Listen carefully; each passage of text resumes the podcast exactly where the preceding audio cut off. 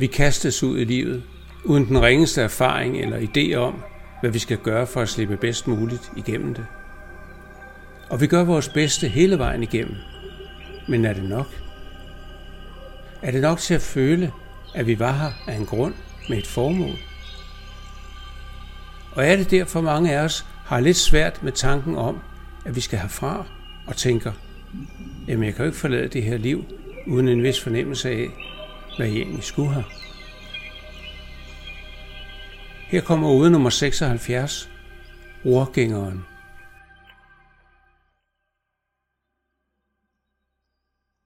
I de første mange år var jeg dækstreng på en mindre tomastet ketch.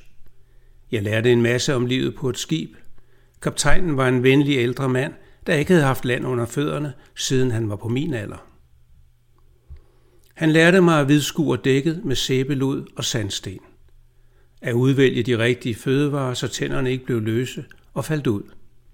Og han pædede min nysgerrighed, når han underviste i kunsten at lægge en kurs og følge den en stjerneklar nat bag ordet. Der gik fire år, før jeg lagde til kaj første gang. Du skal videre i livet, sagde han. Du kan noget med skibe. Find dig et større skib og nye udfordringer. Og min næste hyre blev en tremastet brik. Et pænt stort skib, og men ikke nogen skåndert. Kaptajnen var den gamle garde, og lidt mere brysk end ham jeg kom fra. Men dygtig og respekteret. Og så havde han brug for en rorgænger, så jeg takkede ja til forfremmelsen og til nye udfordringer og oplevelser. Jeg stod bag roret i masser af år, og jeg lærte stjernehimlen at kende som min egen bukselomme. Jeg var aldrig i tvivl om kursen og styrede skibet lige sikkert over stille grunde og gennem rasende storme. Når pirater krydsede vores kurs, pressede jeg et par ekstra knop ud af brikken og sejlede dem agterud.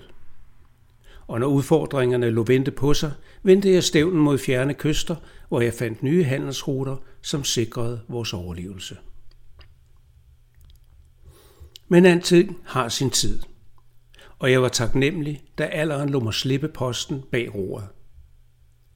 I starten var jeg urolig. Jeg tjekkede kurs og sejlføring i smug, men selvom pladsen bag roret stod tom, lå kursen altid præcis på graden, og sejlene trak roligt i vinden. Jeg lærte at slappe af, tilbragte en del tid på agterdækket, hvor jeg sad og skuede bagud, mens jeg prøvede at forstå, hvad jeg havde brugt mine mange år på. Jeg havde lært meget, udrettet meget. Mange så op til mig og pegede og viskede, det er rorgængeren, og mente, jeg måtte være noget særligt. Sådan følte jeg mig slet ikke. Næsten tværtimod. Hvad havde alle de år givet mig? Jo, jeg kunne sejle en brik i alt slags vejr. Jeg kendte stjernehimlen ud og ind og kunne lægge en kurs hurtigere end nogen. Men det føltes tomt. Mange dage, nætter og tanker senere forlod jeg det brede agterdæk og gik ned i kaptajnens kahyt. Han var død for år tilbage, og jeg havde holdt brikken roligt imod vinden, mens han fik en sømands begravelse. Jeg satte mig ved hans gamle skrivebord, hvor store søkort dækkede årtiers slid. Jeg greb hans mølætte fjerpen, fandt et stykke ubrugt papir og begyndte at skrive, mens stille bølger vuggede min verden. Jeg skrev i dagevis, i ugevis. Jeg i måneder skrættede pennen utålmodigt mod papiret på kaptajnens spor. Det var som om ordene havde ventet på at komme ud. Hver ny side indeholdt nye erkendelser om mig selv, om mit liv, ja om livet og universet i al almindelighed. Og jeg oplevede en ro og meningsfylde, som mine mange år bag roret aldrig havde givet mig.